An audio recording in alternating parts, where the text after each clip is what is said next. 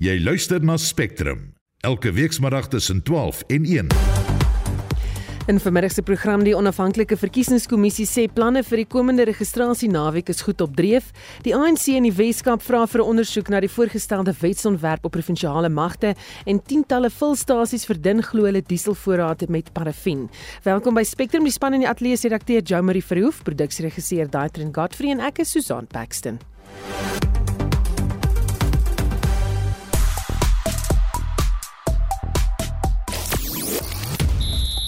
Suid-Afrika golf eerste in hulle onder 19 eendag cricket wêreldbeker wedstryd teen Engeland en nog twee groepe in die Afrika Nasies beker toernooi word vandag afgehandel. Ek is Shaun Schuster vir RSG Sport. Spectrum het gister berig oor die kongres van tradisionele leiers Kontrolesa wat sy stem dik maak oor die verkoop van oud-president Nelson Mandela se persoonlike besittings. Die Hooggeregshof in Pretoria het verlede maand toestemming gegee dat Madiba se oudste dogter Makasiwe Mandela van haar pa se persoonlike besittings op 'n veiling mag verkoop. Dit het ons laat wonder oor versamelingsitems of versamelitems. Ons wil vandag by jou weet, is jy 'n versamelaar? Het jy enige erfstukke of ander versamelitems waarvan jy nie sommer ontslae sal raak nie? Waar het jy dit gekry en watter waarde hou dit vir jou in? Vertel 'n bietjie vir ons. Stuur 'n SMS na 45889 teen R1.50 per boodskap of stuur 'n WhatsApp stemnota na 076 536 6961. Spectrum, jou middagnuusprogram op RSG. 6 minute oor 12. Die ANC, die minister van Samewerkende Regering en Tradisionele Sake, Timbisile Nkadimeng gevra om dringend ondersoek in te stel na die voorgestelde wetsontwerp oor provinsiale magte. Die tydperk waarin die publiek nog kommentaar mag lewer loop einde Januarie ten einde. Die voorgestelde wetgewing het ten doel om verdere autonomie aan die provinsie te verskaf sodat sekere diensleweringfunksies onafhanklik van die nasionale regering verskaf kan word. Ons praat met Cameron Dugmore van die ANC in die Wes-Kaap. Goeiemôre Cameron. Goeiemiddag, dankie vir die geleentheid. Wat is julle grootste bekommernis wat betref hierdie voorgestelde wetgewing? Die grootste bekommernis is die feit dat ons is 'n grondwetlike staat in Suid-Afrika.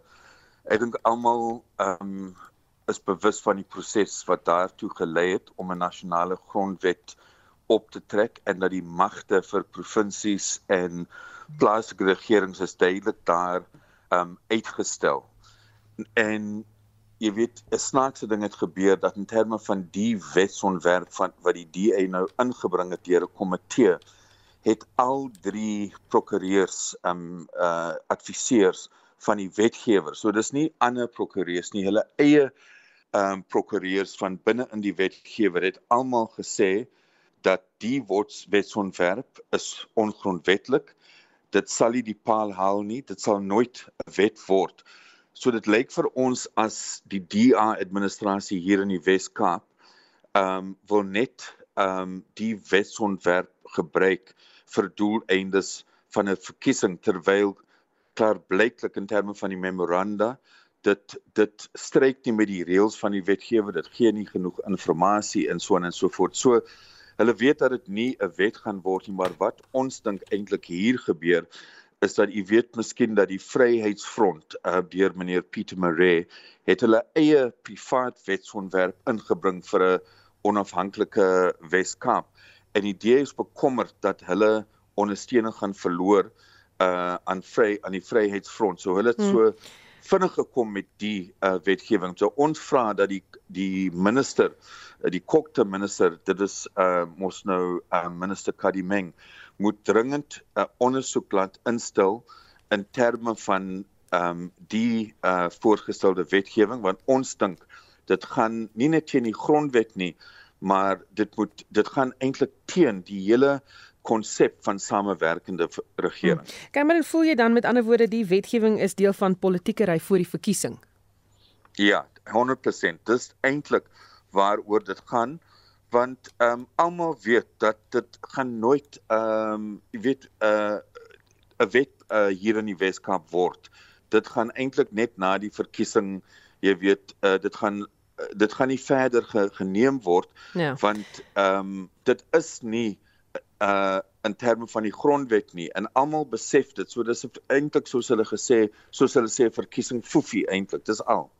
Sê vir my, jy's ook bekommerd oor die proses want jy sê dat die verhore wat maandag begin gehou word asof die wetgewing reeds goedgekeur is.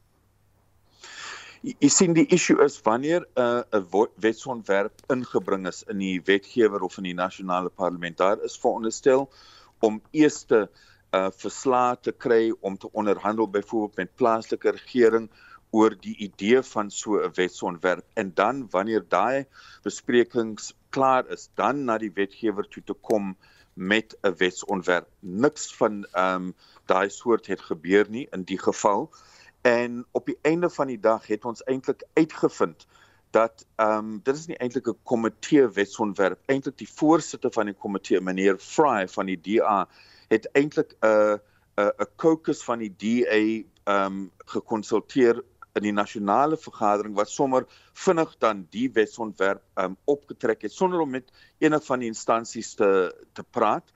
En nou sit hulle eintlik met um, jy weet dit dis dis dis 'n groot verleentheid vir hulle want hulle toe nou die wet gestuur na ad hoc komitee. Hulle wil nou met die um, openbare verhore begin. En jy weet al klaar is dit duidelik vir almal selfs die amptenare binne in die wetgewer sê vir ons um, as parlementslede hulle kan sien dit is 'n 'n gemors van tyd, dit is 'n ja. gemors ja. van geld. So dis die probleem. As ek dink daar moet 'n bespreking in die land wees oor provinsies, plaaslike regerings, magte en so en in die raamwerk is natuurlik die grondwet. Maar as jy basies die grondwet sê ook dat die premier van die uh, provinsie kan gaan na die president oor die issue van magtes, maar hulle het amptelik dit nie eers gedoen nie. So dis dis soos ek sê net 'n foefie wat um eintlik ehm um, vermoed dat ons 'n uh, goeie bespreking kan hou oor die issue van magte. Baie dankie. Dit was Cameron Dugmore van die ANC in die Wes-Kaap. Die meeste Suid-Afrikaanse universiteite het talle uitdagings om matrikulante in te neem. Dis as gevolg van meer leerders wat na 1994 toegang tot universiteite kry. Intussen word sommige ouers gedwing om hulle kinders by private tersiêre instellings in te skryf ondanks finansiële beperkings. Jamie Verhoef berig. Volgens die meeste universiteite is die vraag na toegang tot tersiêre instellings hoër as wat die stelsel kan handhaaf. Baie ouers oorweeg dit om hulle kinders by privaat tersiêre instellings in te skryf, maar is besorg oor die bekostigbaarheid daarvan. Hulle is bang dat hulle baie skuld sal maak wat rente trek tydens die duur van die kursus. Mary Metcalf is die professor vir praktyk by die Universiteit van Johannesburg. There have been significant problems with the functioning of the NSFAS in the last academic year, and we'll have to see if these are solved urgently in 2024. The second thing is that NSFAS really is intended to target the poorest of the poor. So, in the history of struggling around getting access to funding for university, there's always been this complicated issue of the missing middle. So, on the one hand, you've got families who've got no chance of paying, where there's high levels of unemployment. Then you've got families who've managed to make financial provision. In between, there's families that may be employed which may be above the minimum threshold, but it's still not enough.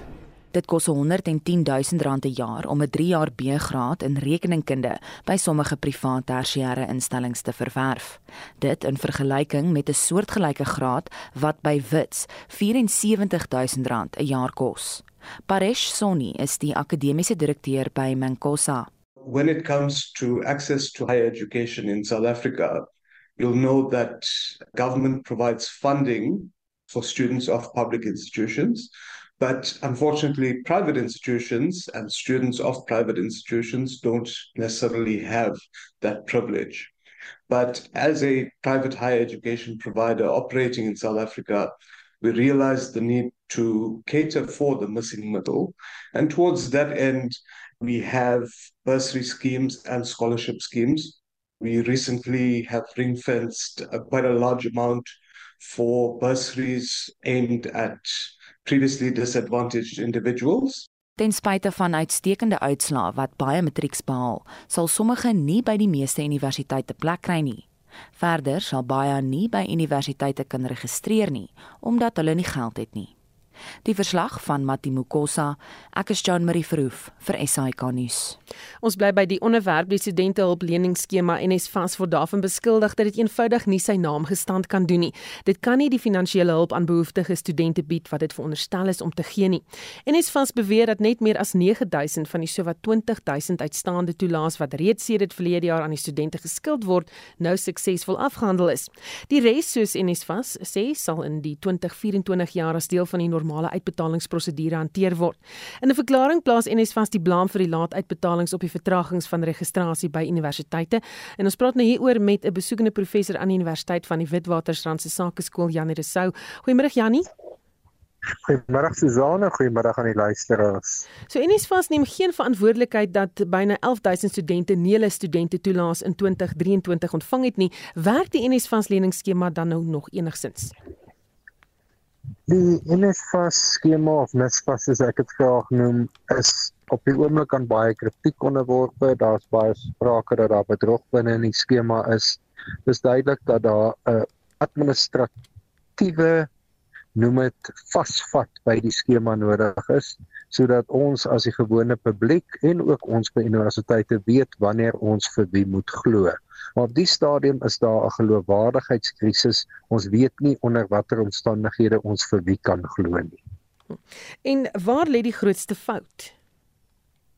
En daar's natuurlik 'n groot fout as daar sprake van korrupsie en bedrog binne die administrasie van NSFAS is daar sprake van mense wat moes bedank het weens administrasie uh, probleme binne in NSFAS. So dis natuurlik die een kant daarvan.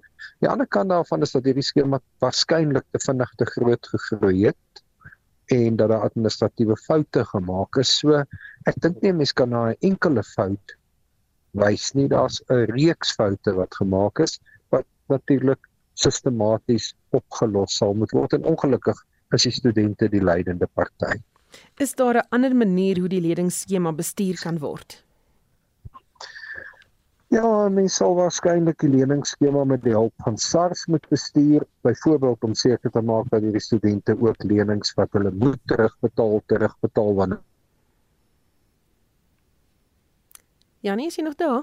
Ons moet kyk. Die universiteite is waarskynlik die beste instelling om dit namens NISFAS te registreer want hulle het direkte kontak met die studente maar daar is na my mening ook aantroue tussen NSFAS en universiteite wat ook uit die weg uit gery moet.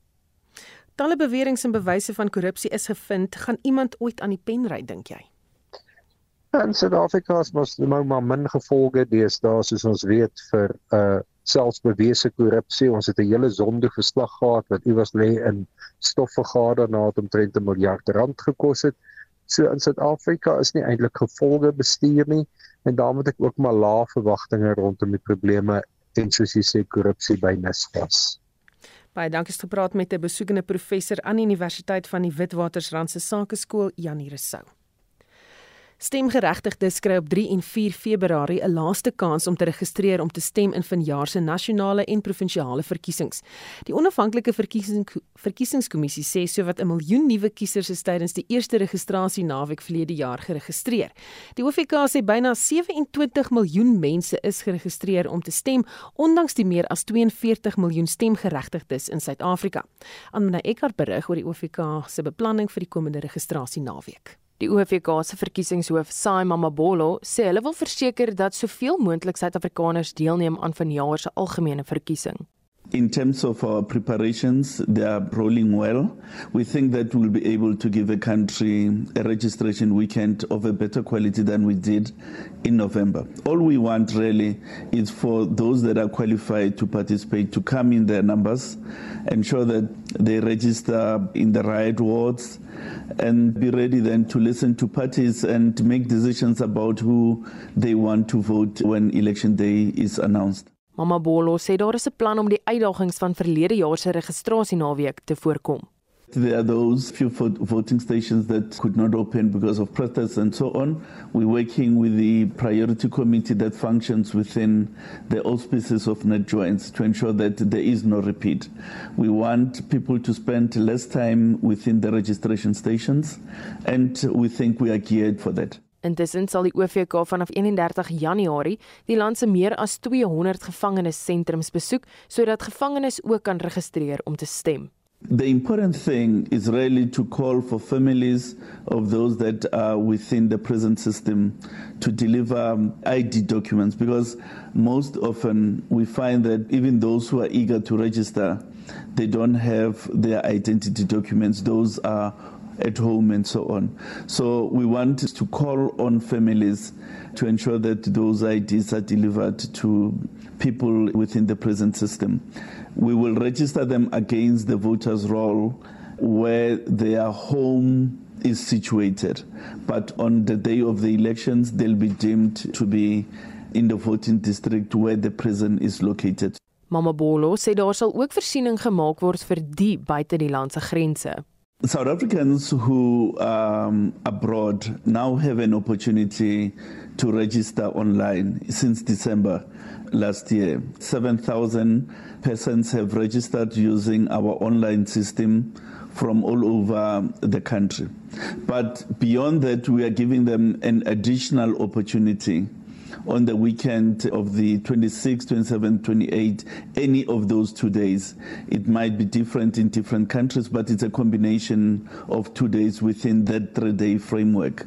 So embassies will open, high consulates will open, high commissions will open between 8 and 5 for two days to give South Africans living abroad opportunities to be on the voters roll. Die verslag is saamgestel deur Boesie Shimombe, ek's aan my Ekart vir SAK nuus.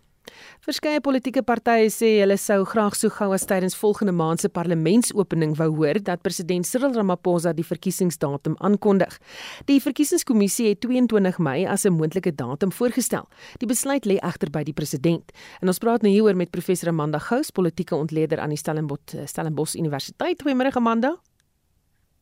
Goeiemiddag Susan. Dink jy die president sal wel die aankondiging tydens die uh, sona maak? Ehm um, dit sal of tydens die Sona wees of kort daarna um, by die, met die 2019 verkiesing was dit met die Sona gewees. So ons ons kan dit on, verwag dink ek. En wat se implikasies vir die verkiesingskommissie byvoorbeeld, jy weet as die president te lank neem? Wel, hierdie gaan 'n baie gekompliseerde verkiesing wees in die sin van daar is gaan baie meer partye op die stembrief wees as van tevore. Daar is ook die onafhanklikes op die stembrief. Um, ons gaan dalk drie stembriewe hê, een vir nasionaal, een vir provinsiaal en dan is daar nou streke wat wat ingedeel word om die um, afhanklikes te akkommodeer.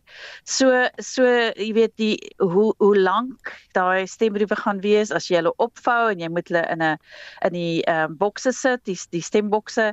Ehm um, jy weet hoe vinnig gaan hulle vol word. Ehm um, en en hoe gaan die telling plaas? Want al daai goed is nie in hierdie verkiesing. So die die onafhanklike kieskommissie het regtig tyd nodig om uh met tande kry probleme te sukkel, eh, maar ook om seker te maak dat alles reg is op die dag van die verkiesing en as dit in Mei is 'n uh, verkiesing moet uh, volgens die grondwet 5 jaar kan 5 jaar en nie langer as 5 jaar en 3 maande na die vorige verkiesing gehou word nie. Nou Mei is nie meer baie ver nie. Ons is al klaar aan die einde van Januarie.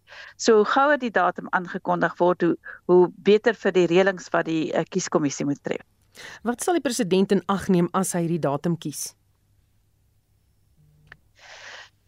Wel, ek dink hy moet die grondwetlike reëlings uh en en, en maatreëls moet hy um handhaaf.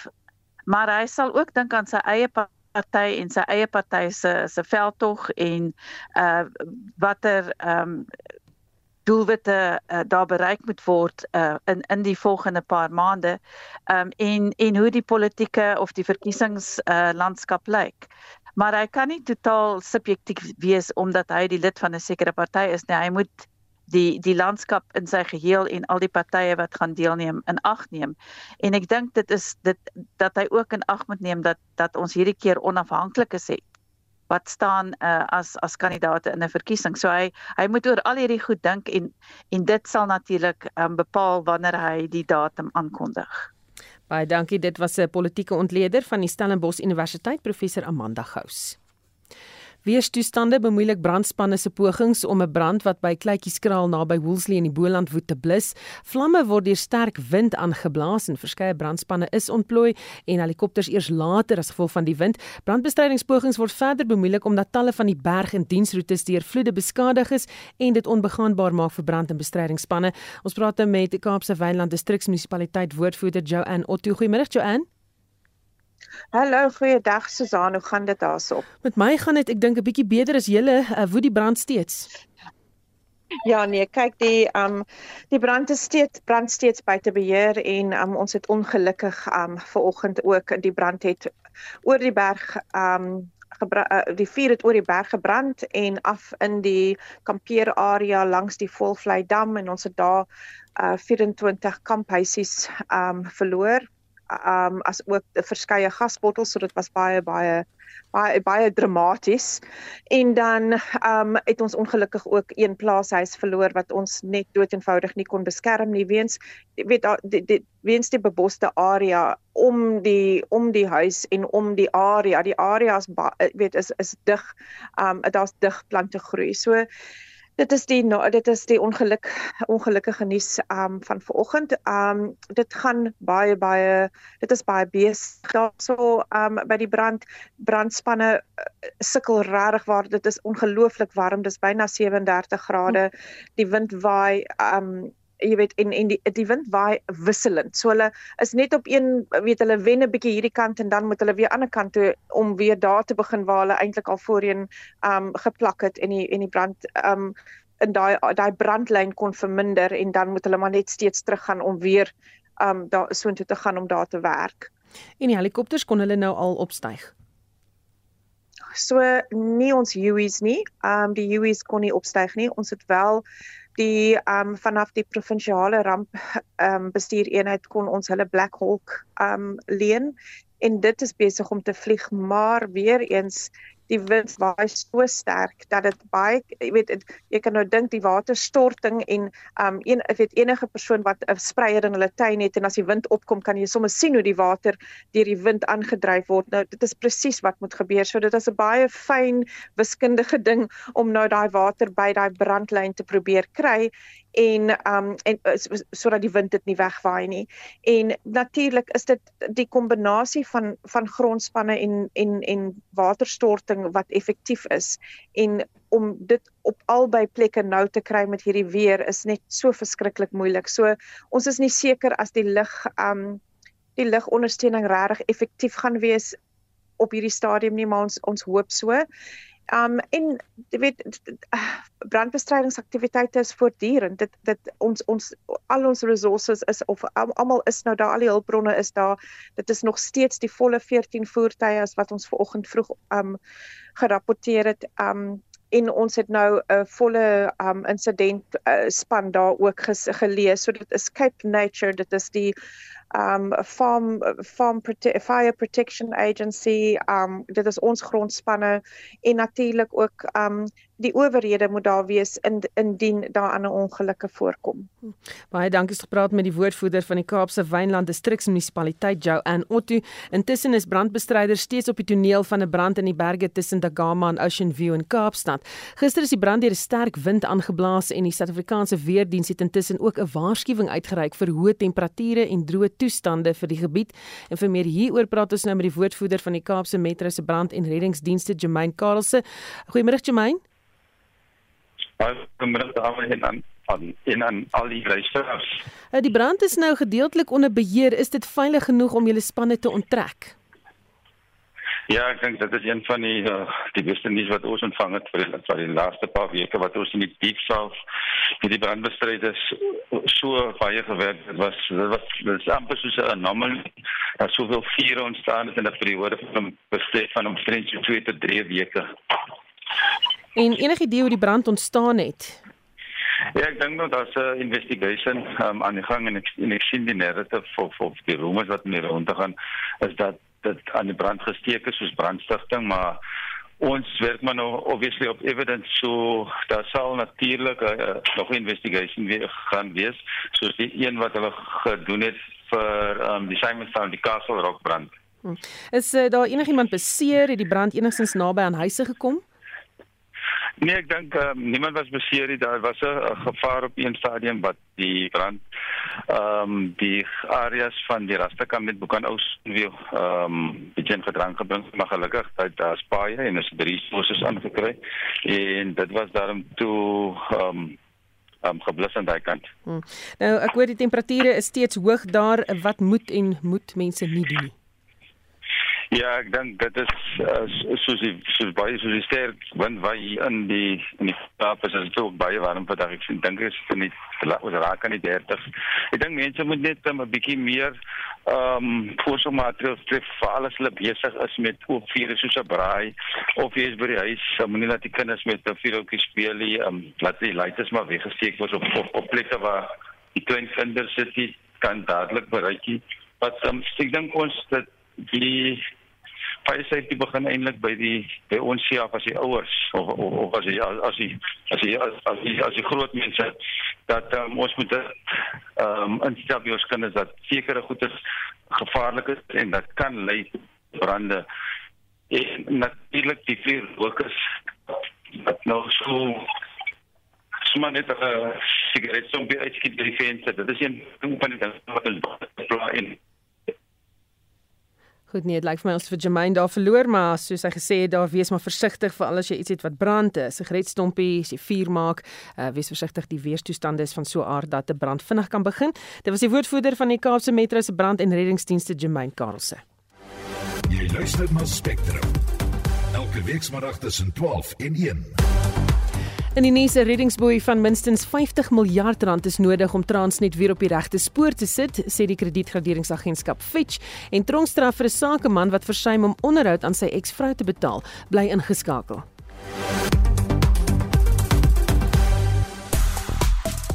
Ons vra vandag vir jou, is jy 'n versamelaar en wat versamel jy? Luisteraar weet jy sê ek versamel vet. Goeie nuus. Ek dink ons almal versamel 'n bietjie daarin. Uh dan sê 'n luisteraar, ek dink is Rian Bosman of nee, is iemand anders wat sê Marisa, ek versamel handtekeninge by my oom by uh byvoorbeeld Emily Hoppersene, president MT Steyn, uh Afrika Afrikaanse skrywers en oud rugby spelers gekry. Ek het selfs uh, CR Swart, die twee Chris Barnards, John Travolta, Olivia Newton-Johnson gekry sê sy. En dan ek het 'n bajonet wat uit die Tweede Wêreldoorlog uit kom meer as 100 jaar oud en 'n tafel en stoele uit Kenia uit en ek's baie lief vir oudhede sê sy. Jy kan steeds saamgesels as jy wil stuur 'n SMS na 45889. Onthou SMS se kos R1.50. Vir die jongste sportnuus eh, praat ons nou met Shaun Jooste. Goeiemôre Shaun. Goeiemôre Susan. Die Protea onder 19 span het 'n taai wedstryd teen Engeland in die man se eendag krieket wêreldbeker toernooi staan sake in Potchefstroom. Nou die Engeland het die lood vanoggend gewen en gekies om eerste te eerder gevra of die Proteas gevra om eerste te golf verskoning en Suid-Afrika so klein bietjie in die moeilikheid op 191 vir 7 na 35.5 balbeurte. En onthou New Zealand speel ook in Oos-London teen Afghanistan. New Afghanistan is uh, uitgebal vir 91 lopies, so New Zealand kort 92 om daardie wedstryd te wen. En dan herinner ek ook net graag dat MI Cape Town en Durban Super Giants mekaar vanmiddag 06:30 in die SA20 reeks op Nieuweland in Kaapstad die stryd aan sê MI Cape Town is 4de op die punteleer en die Super Giants is 3de. Die kwart uitronde by die Australiese Tennis Ope het vanoggend begin. Wat's die jongste? Ja, die mans afdeling het die nommer 1 Novak Djokovic van Servië 7-6, 4-6, 6-2 en 6-3 teen die nommer 12 van Amerika Taylor Fritz gewen. Nou, hy bly op hy bly op koers vir sy 25ste Grand Slam titel en die vierde keer die Italianer Jannik Sinner. Hy meet ook later kragte teen die 50ste keer der is Andrei Roblev. In die vroue afdeling het die vierde keer die Amerikaner Coco Gauff haar plek in die halfeindronde verseker. Dit was met 'n 7-6, 6-7 en 6-2 sege oor Oekraïne se Marta Kostyuk en die nommer 2 van Belarus, Aryna Sabalenka, is op die oomblik in aksie teen die Tsjech en nommer 9 Barbara Krejcikova. In die Afrika Nasies beker toernooi word groep C en D vandag afgehandel.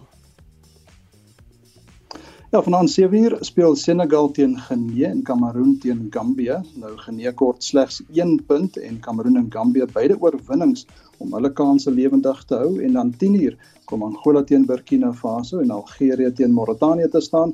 Al vier spanne het nog 'n kans om na die uitklopfase deur te dring Onthou die top 2 uit elke groep kwalifiseer outomaties terwyl 4 van die spanne wat derde eindig ook na die laaste 16 ronde deurdring. Egipte, Ekwatoriale Guinea, die Kaapverde Eilande, Nigerië en Senegal is reeds deur na die laaste 16. En dit was Shaun Jooste met die jongste sportnuus.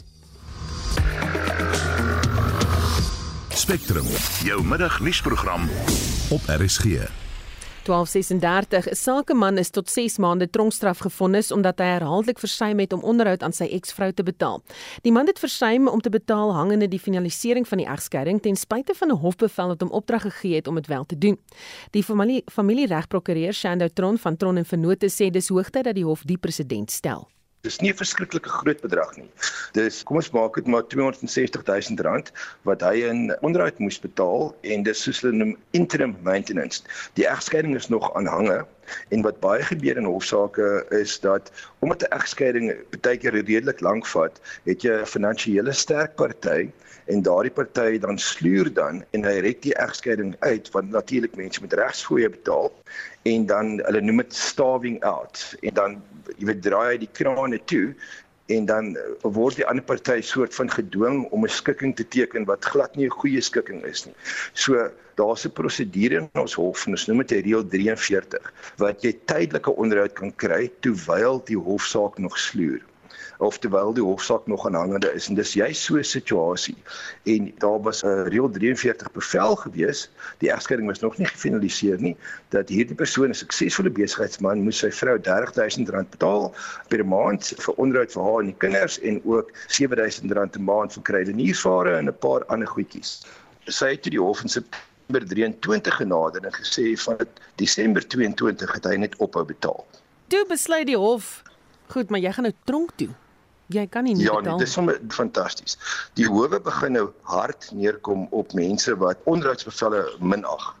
En dis wat hier gebeur het. Hierdie persoon het nou gedink, luister hierso, jy weet, hy gaan dit nou verder sloer en hy vra toe vir die hof nee. Die hof moet sy basies maar sy minagting ignoreer en hy kom nou hof toe met 'n bietjie van 'n houding en hy's 'n werknemer in sy eie besigheid. Maar hy kom na die hof toe en jy weet, met 'n redelike, hoe kan ek sê, 'n uh, disrespekvolle houding. Hy gee geen bewyse van sy inkomste nie, geen bewysing van belasting van aftrekke vir enige so iets nie, maar hy sê net vir die hof dat nee, die, jy weet, hy probeer redes aanvoer waarom hy moet betaal nie en sy een van sy hoofredes is nie maar hy stem nie saam met die reël 43 bevel nie en dat sy vrou het papiere na die hof toe gebring of stukke voor die hof gebring en gewys dat sy moes lenings aangaan by familie en vriende om kop bo water te hou. En sy houding is toe: "Nee, maar luister hierso, sy moet aanhou hierdie lenings maak en op die finale egskeidingsbevel dan sal dit nou in rekening gebring word en dan sal daai lenings nou vereffen word. En die hof het hom regtig regtig hard neergekom op hom en gesê luister meneer, jy is disrespekvol teenoor die hof. Jy het blaatant, die hof het gesê blatant disdain. Jy het blaatant hierdie bevel geminag. Hulle het vir hom 6 maande gevangenisstraf, direkte 6 maande, wel nie direkte gevangenisstraf nie, maar 6 maande gevangenisstraf gegee, opgeskort vir ek dink 3 maande as maar hy moes binne 3 dae betaal.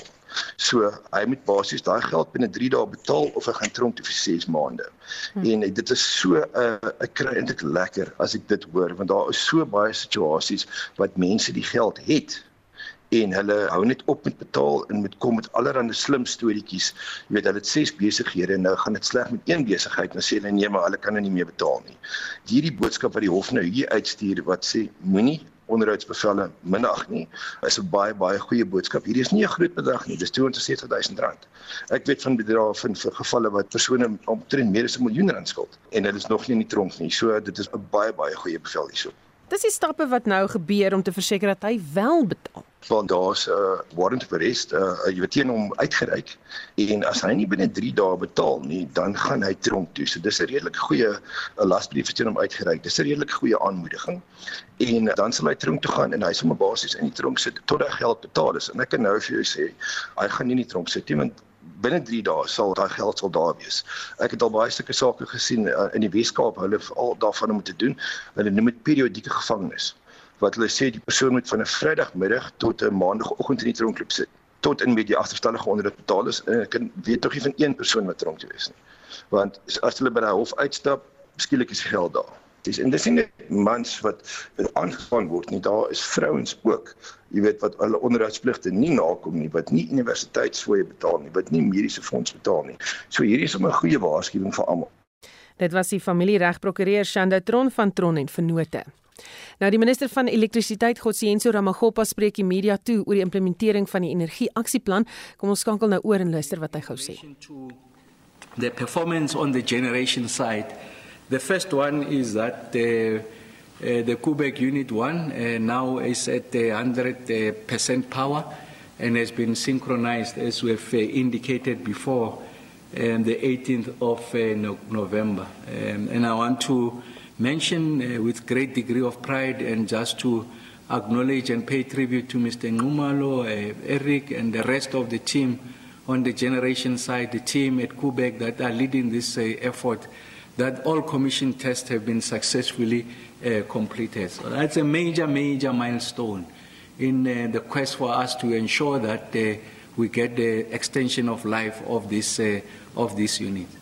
And one of the major achievements which are understated is the fact that as a result of this work that the team has done, addition, uh, we have been able to uh, exploit an additional output of 27 megawatts. So that's significant. So in addition to what is licensed, as a result of these improvements, the efficiencies, we are now producing 27 megawatts more than what uh, was being produced before by this unit.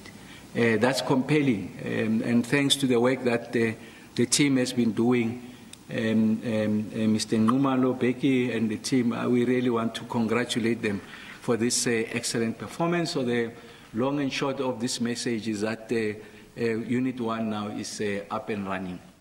Nou ja, sisteem daarvan uh, die minister van elektrisiteit Godsienso Ramagopa, hy staan besig om die media toe te spreek um, oor die status van ons elektrisiteitskrisis. Hy spog 'n bietjie daar en hy sê dit wek nou 'n bietjie meer krag op by eenheid 1 en uh, dit klink vir ons dat hulle dit uh, goed kan aanwend en daarom sou minder breë beurtkrag. Maar bly ingeskakel op RSG vir 'n volledige verslag later oor presies wat hy alles gesê het.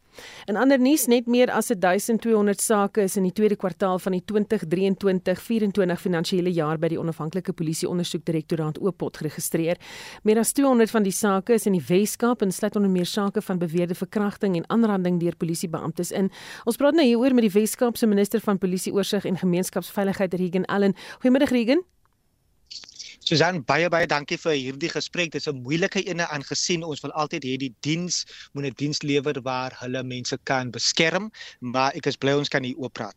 Goed, so dit lyk nie baie goed nie veral omdat so hoë statistiek in in die Weskaap is.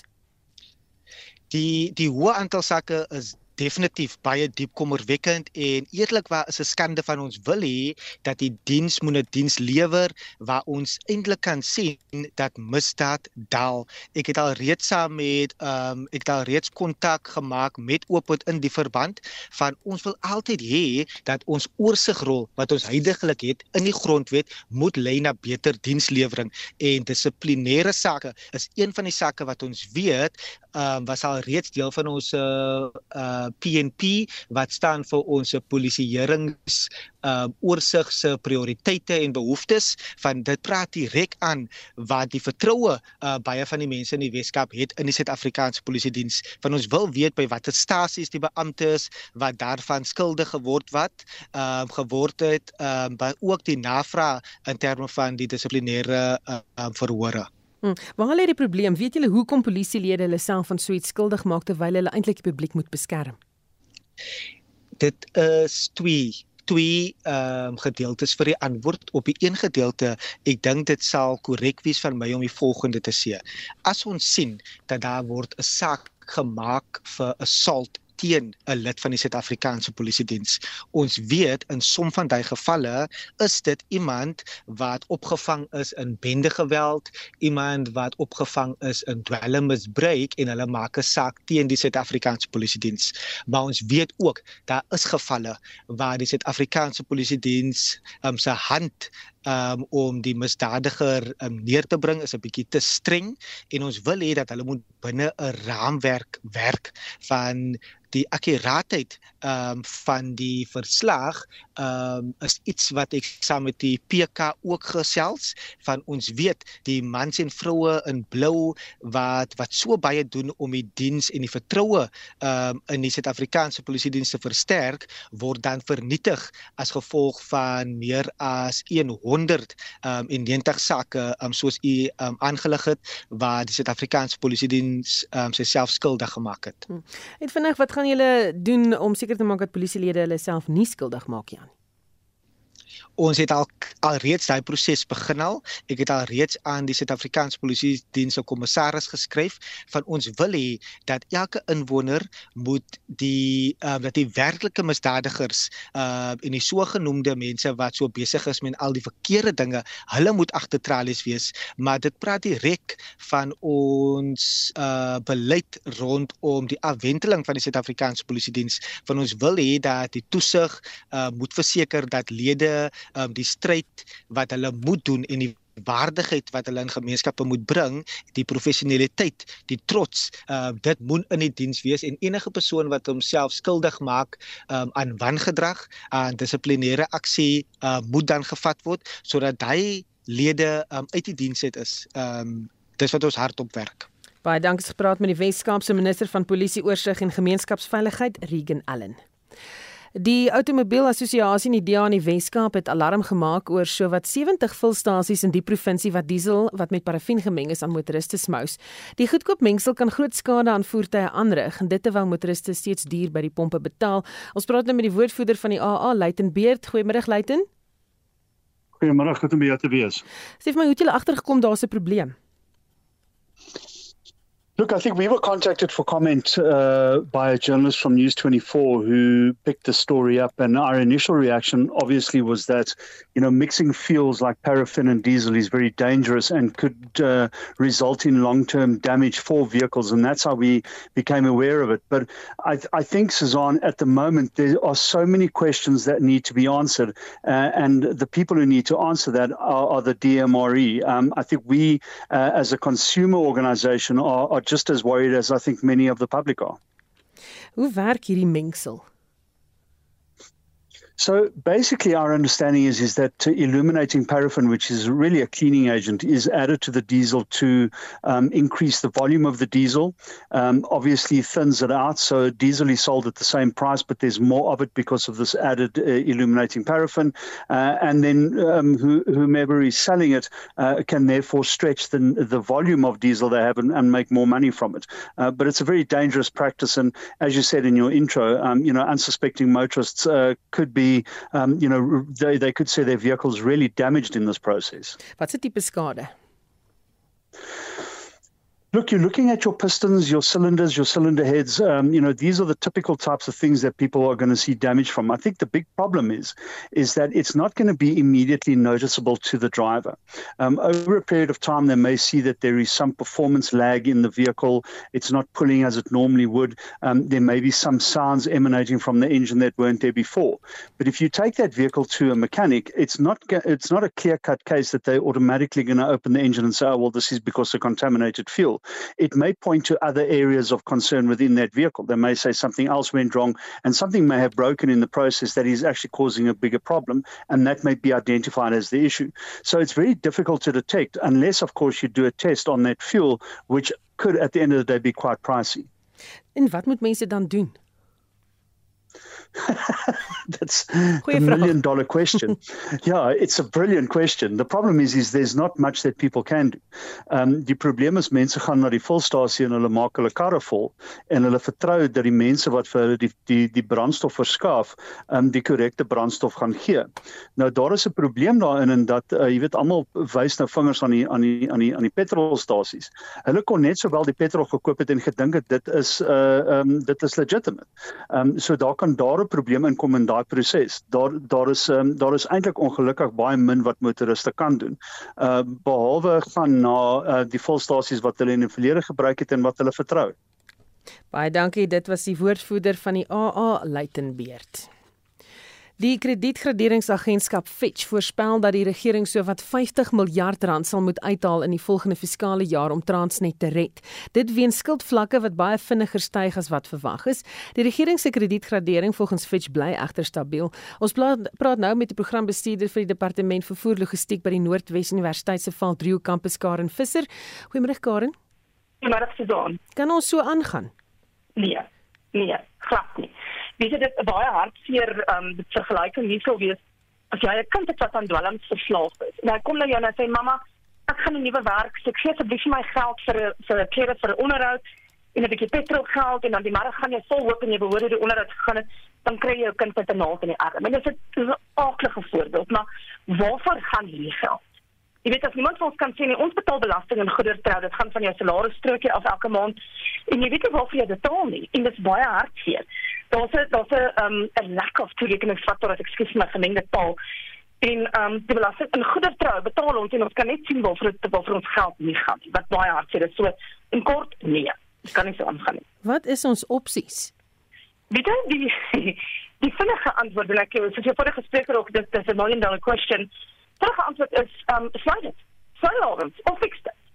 Ons kan dit nie sluit nie. Die die geleentheidskoste vir ons hawens wat nie funksioneer op die oomblik nie is so hoog. Dit beteken dat um, ons verloor die geleentheid om in, inkomste te genereer deur die hawens die direkte inkomste wat ons in invoer en uitvoer verloor en dan ook die verwante die die vermenigvuldiger om die om die hawe.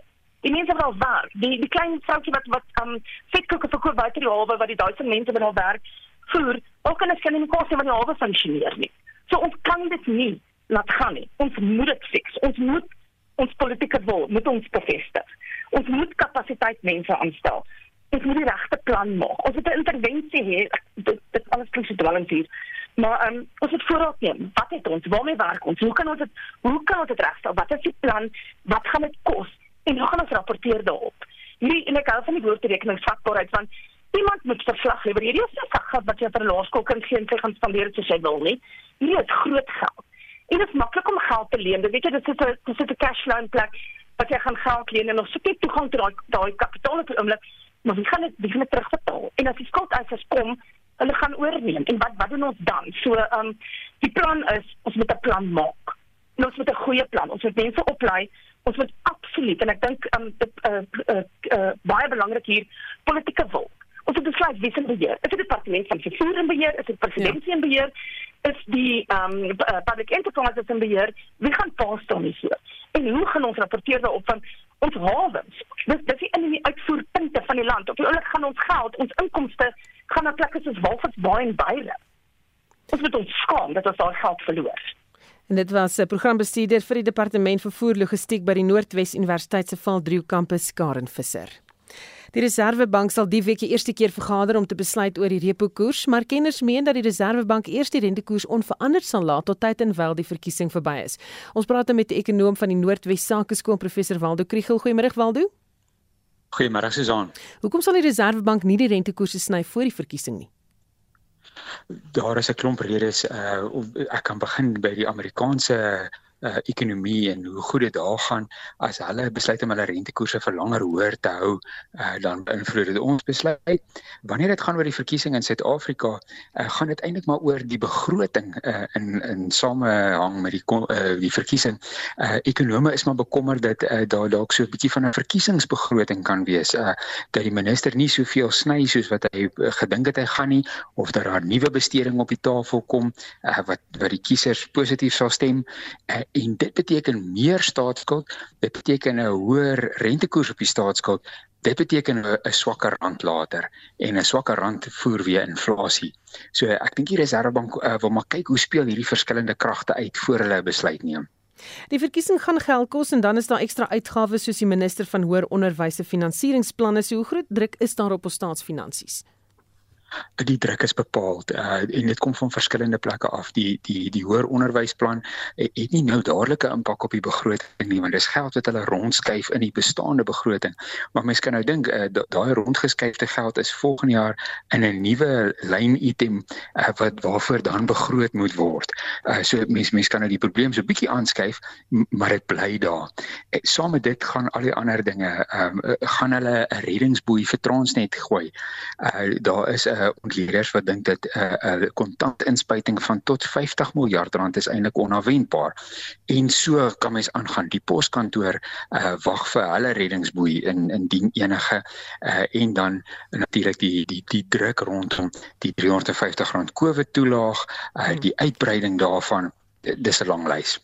Baie dankie. Dit was professor Waldo Kriel, ekonom van die Noordwes Besigheidsskool. Brandpunt. Die internasionale regshof word gevra om 'n verklarende bevel uit te reik in terme waarvan Israel hierdie konflik teen Palestina onmiddellik moet staak om so wat hulle noem 'n volksmoord te voorkom ek dink dat die hof gaan skop vir die kantlyn en bevele gee wat Israel gemaklik kan uitvoer en Israel trouens as ek dit toe gesê het, hy is net besig om 'n klomp goed waarvoor daar gevra word te administreer. Brandpunt. Wieksmiddag tussen kwart voor 6 en 6 uur op RSG.